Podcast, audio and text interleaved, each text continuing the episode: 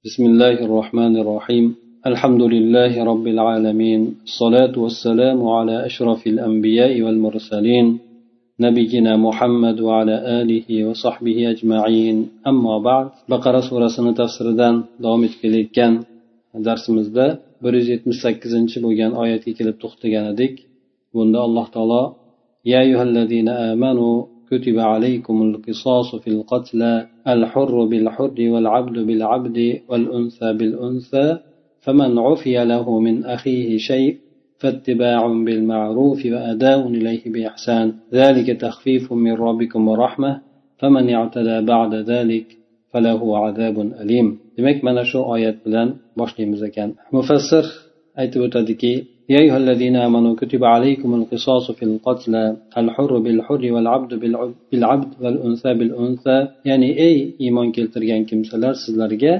o'ldirilgan kimsalarda qasos olishlik farz qilindi albatta hur o'ldiriladigan bo'lsa uni muqobilda hul o'ldiriladi qul o'ldiriladigan bo'lsa uni muqobilda qul o'ldiriladi ayol o'ldiriladigan bo'lsa o'shani o'ldirgan ayol kishi o'ldiriladi endi ya'ni ayol kishi o'ldirilsa ayol kishi o'ldiriladi ay furida alaykum ayyuhal mu'minun. Ey mo'minlar sizlarga an taqtassu lil maqtul min al qotil.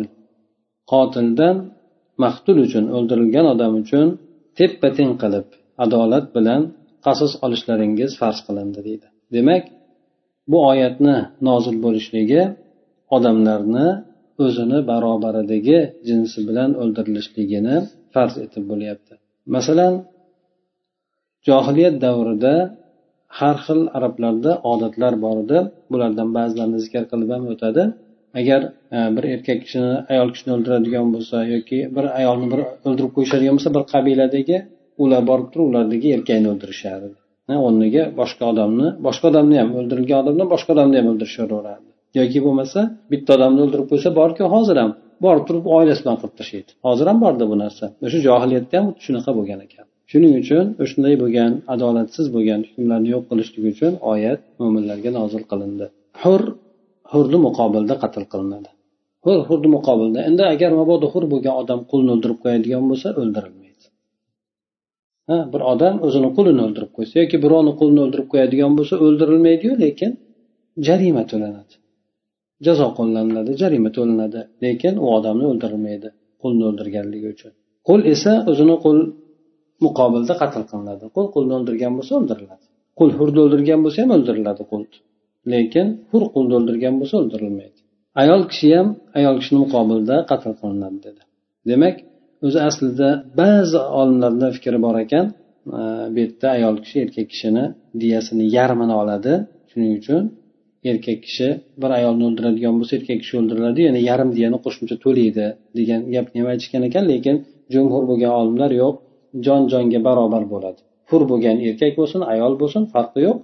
Kim o'ldirgan bo'lsa muqobilda o'ldirilaveradi. Masalan erkak kishi ayolni o'ldirib qo'ygan bo'lsa erkak kishi o'ldirilaveradi. Ularda boshqa ayolni o'ldirilmaydi yoki bo'lmasa yarim diyasini berilmaydi. Balki diya berilsa to'liq beriladi yoki bo'lmasa ayol kishini o'ldiriladigan bo'lsa o'ldiruvchi erkak kishi bo'lsa erkak kishini ham o'ldirilaveradi. Qasos olib turib. Demak endi sizlar bu alloh taolo belgilab bergan hadlarni chegaralarni bosib o'tib ketib qolmanglar tajovuz qilib o'tib ketib qolmanglar. Nima qilasizlar unda? Qotildan boshqasini o'ldirib qo'yasizlarda. Qotildan boshqasini o'ldirishlik bu olloh belgilab qo'ygan haddan oshishlik degani. Xuddi bu narsani johiliyat ahli qilar edi. Ular bir ayol kishini muqobilda erkak kishini o'ldirishaverardi. Ayol kishini o'ldirib qo'ysa o'rniga erkak kishini ham o'ldiraverardi. Qulni muqobilda hurni ham saidni ham o'ldiraverardi. Bitta odamni muqobilida esa bir jamoani yoki bir qancha odamlarni o'ldirib tashlashaverardi chunki bu narsalar nimani doirani kengayishligiga olib boradi. Keyin o'ldirgan odamdan boshqa odamni o'ldirish ham doirani kengaytirishlikka olib boradi. Ya'ni bir odam bittasini o'ldirsa yosh bolani o'ldirsa bular borib turib kattaroq odamni o'ldirsa biza katta odamni o'ldirdi deb turib bular borib turib katta odamni o'ldiradi shunaqa qilib o'rtada adolat insof degan narsa yo'qolib ketib qoladi. Shuning uchun shariatni qoidasida kim o'ldirgan bo'lsa o'sha o'ldirgan odamni o'ldiriladi. Agar o'ldirgan odam topilmaydigan bo'lsa u tomondagilar diya to'lab beradi. Bu payg'ambar alayhisalom davrida ham bo'lgan.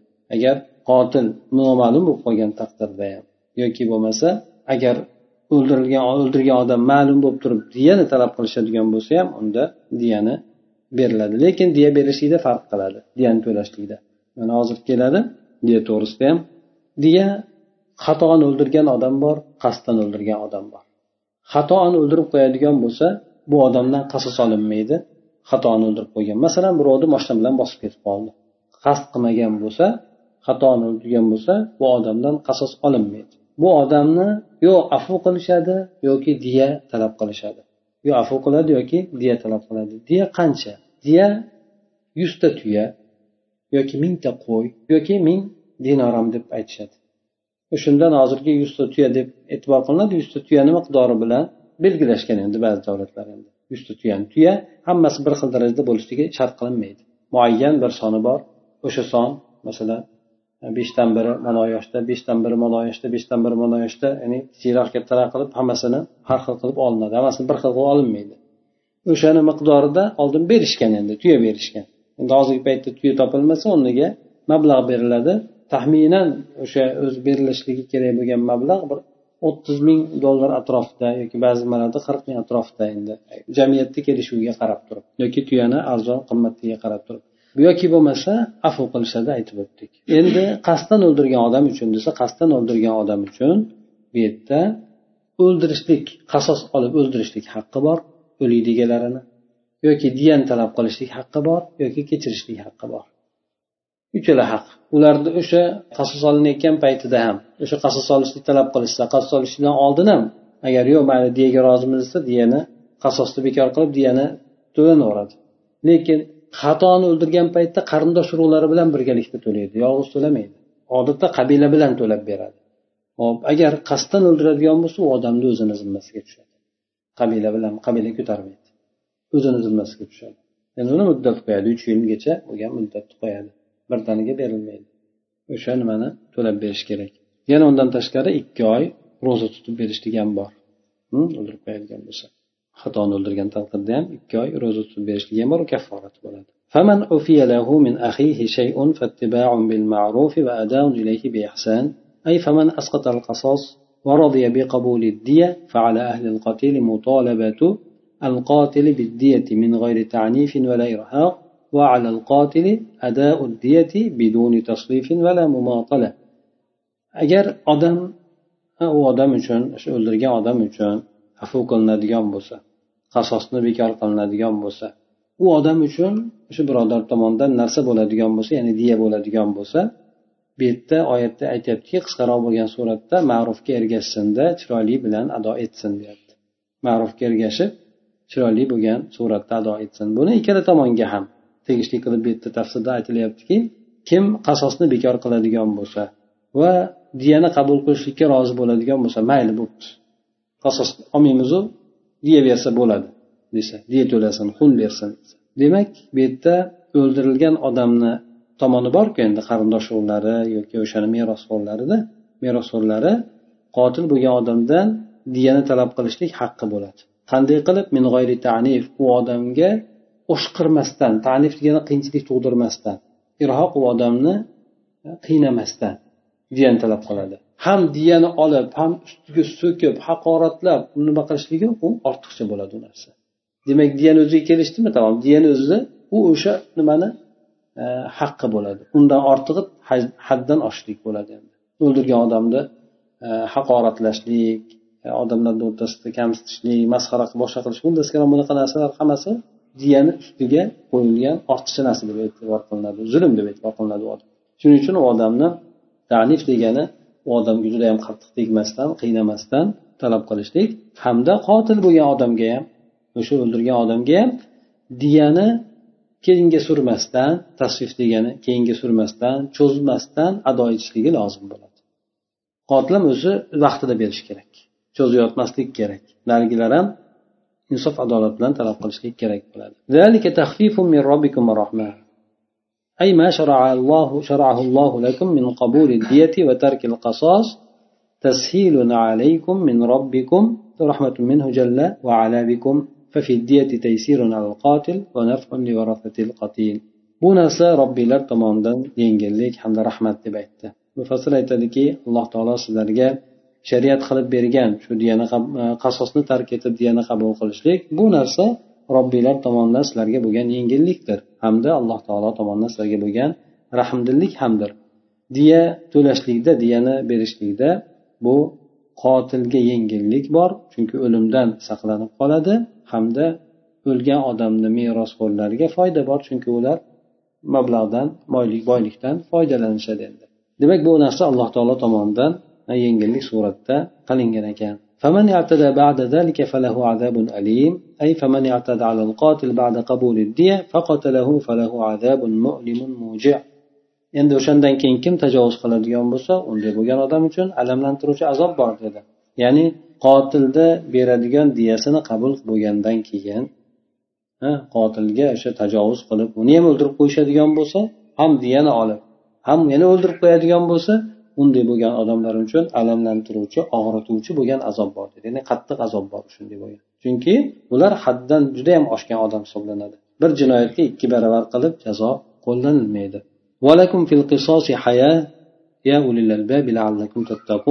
أي في قتل القاتل حياة للنفوس فإن القاتل إذا أيقن بأنه سيقتل إن قتل كف عن القتل فأحيا نفسه وأحيا الآخرين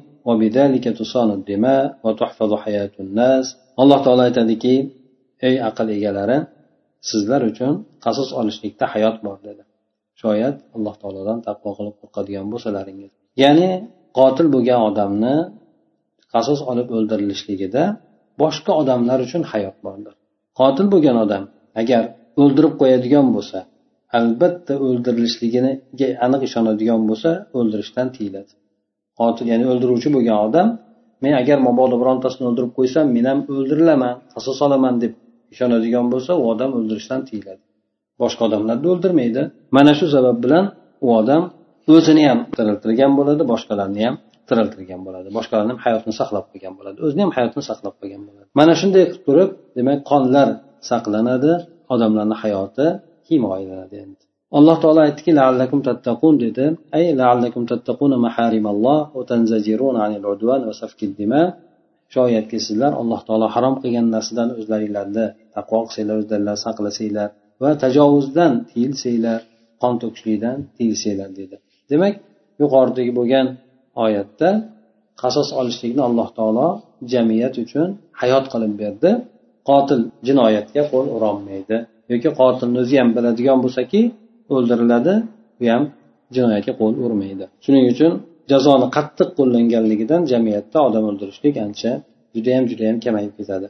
كتب عليكم إذا حضر أحدكم الموت إن ترك خيرا الوصية للوالدين والأقربين بالمعروف حقا على المتقين أي فرض عليكم أيها المؤمنون إذا أشرف أحدكم على الموت وقد ترك مالا كثيرا أن يوصي لوالديه وأقاربه بالمعروف أي بالعدل بأن لا يزيد على الثلث وهذه الوصية حق لازم على المتقين وقد نصح هذا الحكم بآية المواريث demak alloh taolo yana mo'minlarga farz etdi nimani farz etdi agar sizlarni bittalaringizga o'lim kelib qoladigan bo'lsa hamda mol dunyosi bo'lgan odam bo'lsa mol dunyo tark etib ketayotgan odam bo'lsa vasiyat qilishligi bu kimga vasiyat qiladi o'zini yaqinlariga ota onasiga qarindosh urug'lariga ma'ruf bilan ya'ni adolat bilan urf bilan adolat bilan vasiyat qilishligi farz qilindi. Bu yerda uchdan biridan oshmaslik sharti bilan dedi.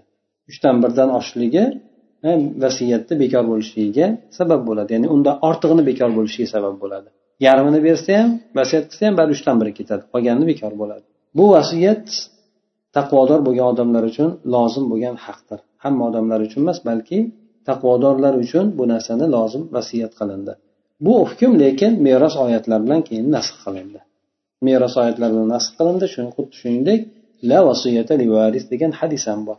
Ya'ni meros olayotgan odamga vasiyat qilinmaydi unga qo'shimcha haq berilmaydi. Kim merosdan nasibasi bo'lsa ozginami ko'pmi farqi yo'q u odamga qo'shimcha vasiyat qilinmaydi. Ha ya'ni o'layotgan odam tomonidan masalan aytsaki mana farzand hammanglar meros oladida keyin bu farzandimga yana falon narsa ham moshina ham shunga bo'lsin deb vasiyat qilaman desa u e'tiborga olinmaydi chunki merosxo'r bo'lgan odam vasiyat olishlikka haqqi yo'q illo hammasi rozi bo'ladigan bo'lsa unda bersa bo'ladi merosxo'rlarni فمن بدله بعدما سمعه فإنما إثمها الذين يبدلونه إن الله سميع عليم أي فمن غير هذه الوصية بعدما تحقق منها من وصي أو شاهد فإن ذنب هذا التبديل على من بدله لأنه خان وخالف أمر الله والله سميع لأقوال العباد عليم بأحوالهم وأفعالهم وهو وعيد شديد kimki endi mana shu vasiyatni o'zgartiradigan bo'lsa uni aniqlab bilgandan keyin aniq hammasi aniq bo'lgandan keyin ya'ni eshitgandan keyin ya'ni aniq bo'lgandan keyin kim vasiy bo'ladi kim shu ya'ni vasiyatni egasi kim bo'ladi kimga vasiyat qilindi hamda guvohlar bor hamma narsa haq bo'lgandan keyin hal bo'lgandan keyin kimki o'sha vasiyatni o'zgartiradigan bo'lsa yoki yozgan qog'ozdan o'zgartiradimi? Yoki guvohlarga pul berib bunisi berib turib o'zgartiradimi? Bunaqa demadi manaqa deb guvohlik berasizlar deb turib. Xullas kalom vasiyatni o'zgartiryapti bu o'zgartirishlikni gunohi o'sha o'zgartirgan odamni zimmasiga tushadi. Kim o'zgartiradigan bo'lsa o'sha o'zgartirgan odamlarni zimmasiga bo'ladi. Chunki bu odamlar ollohni buyrug'iga xiyonat qilgan hamda muxolif bo'lgan odamlar hisoblanadi. alloh taolo esa bandalarni so'zlarini eshitib turuvchi ularni holatlarini ham qilayotgan ishlaridan ham xabardor bo'lgan zotdir deb aytadi endi demak bu qattiq vaiddir o'sha o'zgartirayotgan odamga judayam qattiq alloh taolo ko'rib turibdi bilib turibdi gunoh seni bo'yningga o'ladi deb aytib turishligi ya'ni alloh taolo tomonidan u odamni qattiq qo'rqituv bor فمن خاف من موص جنفا أو إثما أو فمن تخوف من الموصي ميلا عن الحق أو تعمدا للإثم بحرمان أحد الورثة من الميراث فأصلح بينهم فلا إثم عليه إن الله غفور رحيم endi kimki vasiyat qilayotgan odamdan xavfsiraydigan bo'lsa xavfsiraydi nimani xavfsiraydi haqdan moyil bo'lib ketib qolishligini ya'ni adolatsizlikka o'tib ketib qolishligi va merosxo'rlardan birisini merosdan mahrum qilishlik bilan gunohga qasd qilib qo'yganligini birov sezib qoladigan bo'lsa shundan xavfsirab qoladigan bo'lsa ha birov bo'lsaki masalan vasiyat qilyapti. Vasiyat qilayotgan nimasida merosxo'rni meros olmasin deb turib masalan aytaylik bittami to'rtta bolasi qolgan yoki bittasi bitta bolasi qolgan ikkita bolasi qolgan nechta bolasi qolgan bo'lsa ham molini to'qson foizini falonchiga berib yuborasizlar. o'n foizini qoldiryapti. Yoki bo'lmasa bunga hech narsa bermaysizlar hammasini falonchiga berib yuborasizlar yoki falonchilarga berib yuborasizlar deb birovlarga vasiyat qilib yuboryapti. Bu yerda haqdan nima qilishlik bor? Oqib ketishlik bor bu yerda. Hamda gunohni qasd qilyapti bu yerda. Merosxo'rlardan birisini merosdan mahrum qilishlik bilan buni gunohi bo'ladi. Endi bu yerda boshqa bir odam kirib turib o'rtaga o'rtada isloh qilib qo'ysa tuzatib qo'ysa. Ha bunda fala u odamga gunoh yo'q endi. Garchi vasiyatni o'zgartirsa ham vasiyatni o'zgartirsa ham nimaga? Masalan aytaylik birovga to'qson foiz deb vasiyat qilib berib birov kelibda u yerda turib ey to'xtanglar to'xtanglar bu to'qson foiz degani bo'lmaydi shariatda. Shariatda uchdan biriga haqqi bor xolos. Demak uchdan birdan haqqi bekor bo'ladi hammasi.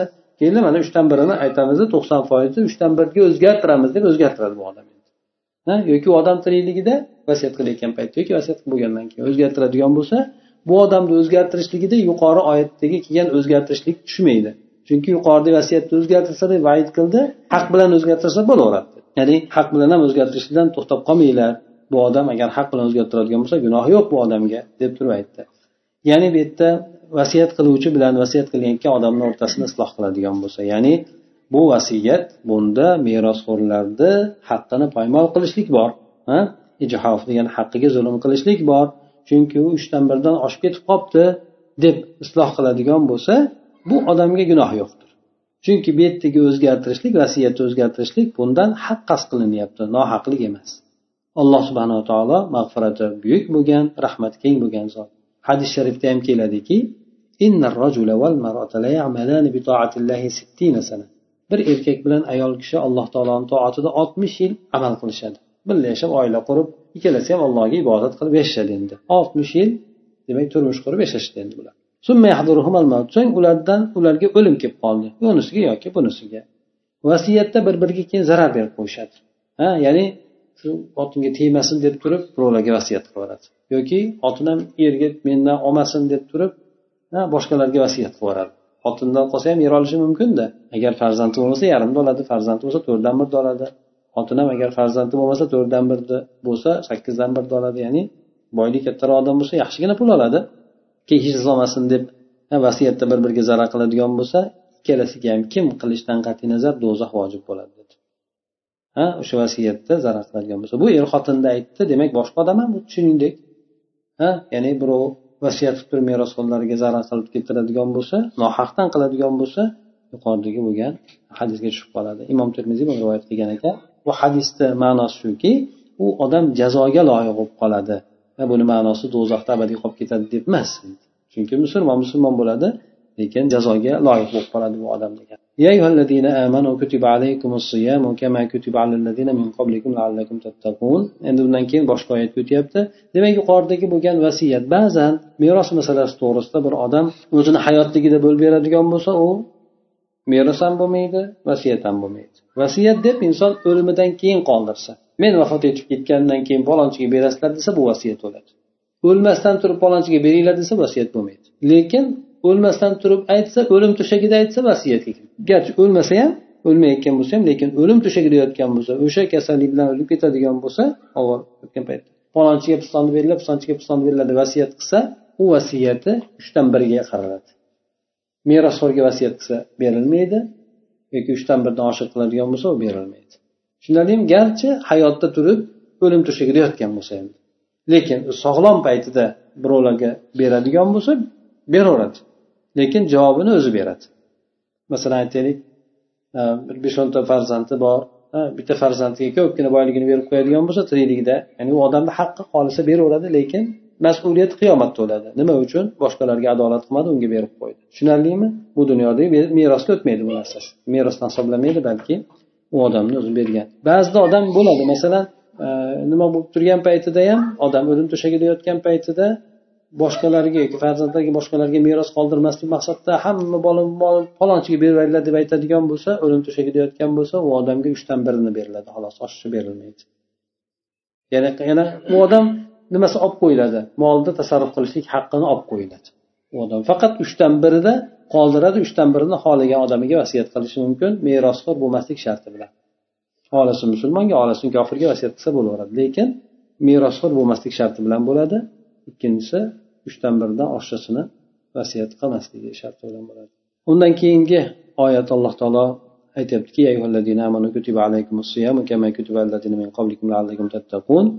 أي فرض عليكم أيها المؤمنون صيام شهر رمضان كما فرض على من قبلكم من الأمم لتكونوا من المتقين المجتنبين لمحارمه ey mo'min bo'lgan kimsalar sizlarga ramazon oyini ro'zasi farz qilindi demak bu oyat ro'zani farz ekanligini bayon qilyapti. Xuddi sizlardan avvalgi o'tgan ummatlarga farz qilingani kabi. Demak avvalgi ummatlar ham ro'za tutishgan. Rostmona ro'za tutishgan lekin hozirda o'zgartirib yuborgan falon narsani yemaymiz piston narsani yeyveramiz degan narsalar bilan. Lekin o'zi aslida ro'za ma'lum paytdan ma'lum paytgacha odam tiyilishligi bilan bo'ladi. Ya'ni alloh taolodan taqvodor bo'lishlik uchun demak ro'zani farz bo'lishligini maqsadi bu alloh taologa taqvoda yana ham insonlar ziyoda bo'lishligi uchun harom bo'lgan narsalardan tiyilishlik uchun. Chunki ro'za mana o'zinglar biladigan bo'lsanglar ro'za bu narsaga yordam beradi. Shuning uchun benamozlar ham namozga kirib qoladi odamlar ancha muncha narsadan tiyilib qoladi taqvosi kuchayib qoladi ibodatda yaxshilanib qoladi. Bu imkoniyat fursat. Alloh taolo insonga bergan imkoniyat shaytonlarni boshqalarni nima qilishlik bilan chegaralab qo'yishlik bilan. Demak ro'zadan farz bo'lishligidagi maqsad bu insonlarni taqvosi ziyoda bo'lishligi uchun bir o'ziga kelib olishligi uchun bir xatolarini kamchiliklarni tuzatib olishligi uchun bir imkoniyat fursat ekan insonlarga. Ma'dudat ay ramazon ozgina kunlar dedi. Ya'ni ro'za kunlari oz bo'ladi bir oy bo'ladi. Xolos bir yil yopib yurganda bir oy judayam o'n ikkidan biri hisoblanadi.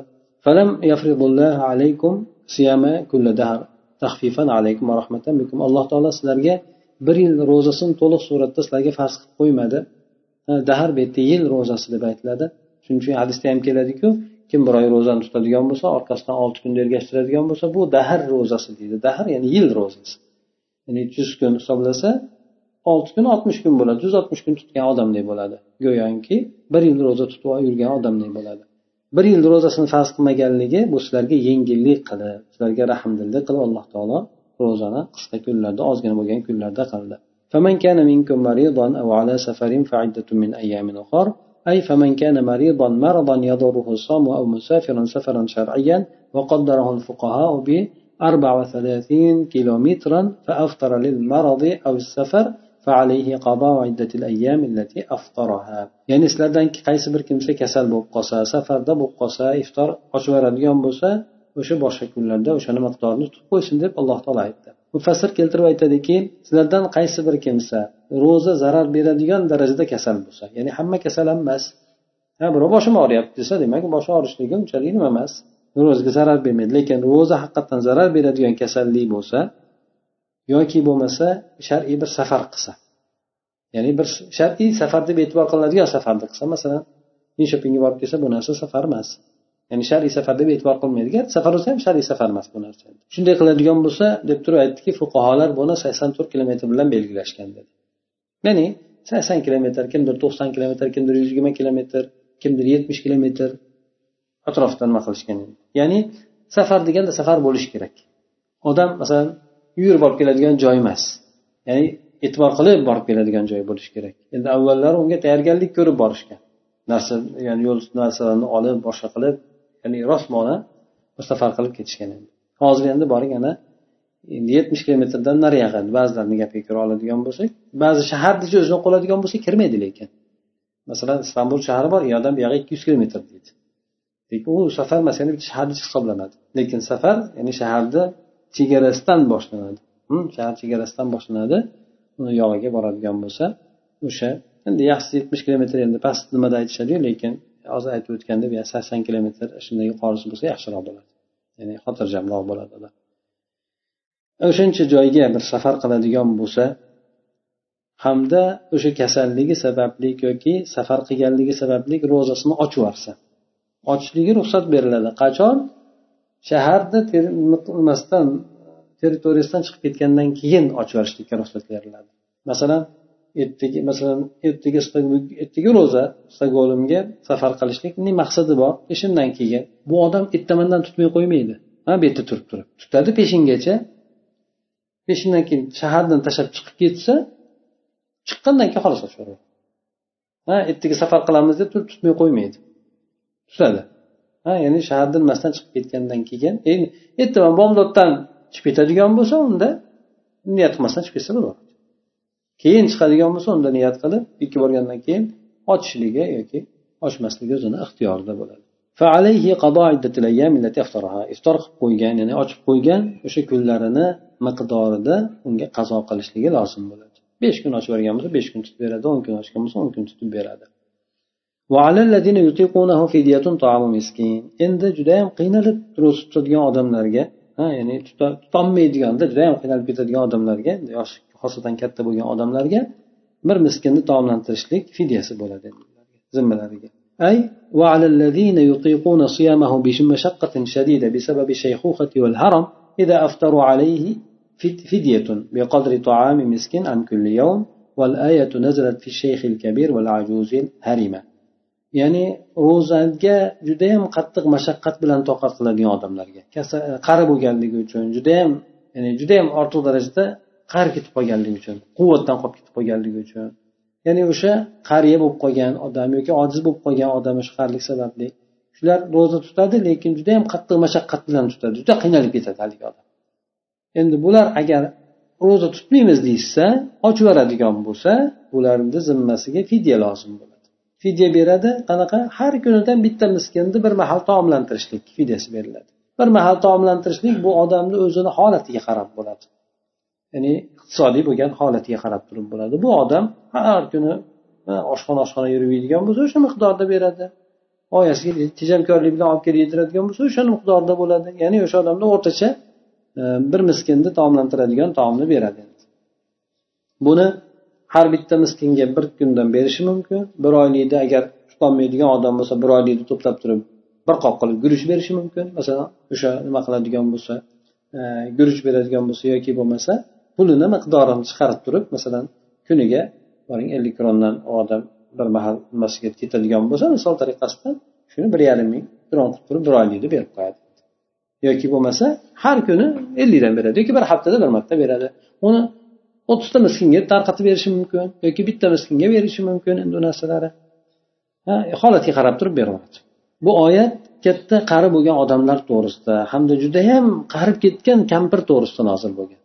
Masalan chol bo'ladi quvvati bor. Kampir bo'ladi quvvati bor. Yo'q ularni to'g'risida emas ya'ni quvvatdan qolgan judayam qarib ketib qolgan odamlar haqida nozil bo'lgan. فمن تطوع خيرا فهو خير له وأن تصوموا خير لكم إن كنتم تعلمون أي فمن زاد في الفدية على القدر المفروض فهو أفضل له والصوم خير لكم من الفطر إن كنتم تعلمون ما في الصوم من الفضيلة والأجر العظيم ثم وضح تعالى زمن الصيام فقال ya'ni kimki endi fidyada belgilangan miqdordan ziyoda qilib beradigan bo'lsa boring ellik emas yuz krondan qilib beryapti ya'ni o'zi tomonidan bir marhamat qilib beryapti Bu yaxshi u odam uchun. Sadaqada endi.